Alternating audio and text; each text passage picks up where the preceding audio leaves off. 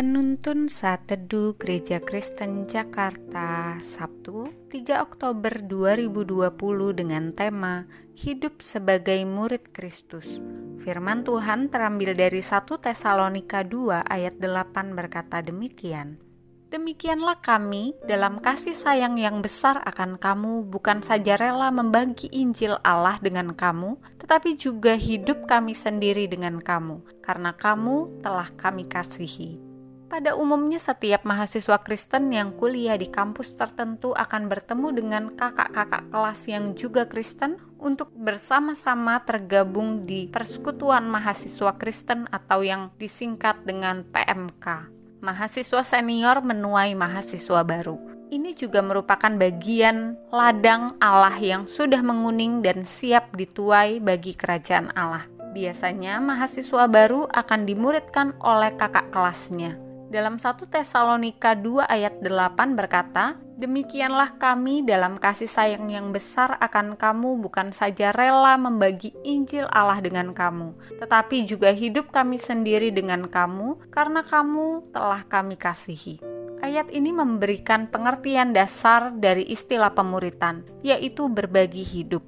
Contohnya, kasih Paulus begitu besar kepada jemaat Tesalonika dia tidak hanya datang untuk memberitakan firman Tuhan kepada mereka, melainkan juga membagikan hidupnya kepada mereka. Berbagi hidup mempunyai pengertian antara lain menjalani hidup bersama dalam suka dan duka, memberi nasihat, saling mendoakan, dan lain-lain. Dalam berbagi hidup, kasih dan keterbukaan harus menjadi dasar utama seperti yang ditegaskan oleh Rasul Paulus. Hal apalagi yang dapat kita bagikan kepada orang lain? Rasul Yohanes menulis dalam 1 Yohanes 1 ayat 1 sampai 3 bahwa ia membagikan apa yang telah didengarnya, dilihatnya dan disaksikannya sendiri tentang Kristus Sang Firman. Demikianlah dalam pemuritan kita pun dapat membagikan pengalaman hidup bersama dengan Tuhan melalui perenungan dan ketaatan melakukan firman. Rasul Paulus menuliskan dalam Roma 15 ayat 18, "Sebab aku tidak akan berani berkata-kata tentang sesuatu sesuatu yang lain kecuali tentang apa yang telah dikerjakan Kristus olehku, yaitu untuk memimpin bangsa-bangsa lain kepada ketaatan oleh perkataan dan perbuatan. Ayat ini menegaskan bahwa Paulus hanya akan membagikan apa yang telah Kristus lakukan dalam hidupnya, dan dia tidak akan membagikan ambisi pribadinya atau mimpi pribadinya yang tidak berasal dari Tuhan. Apa yang telah Kristus lakukan pada hidupmu? Banyak, bukan?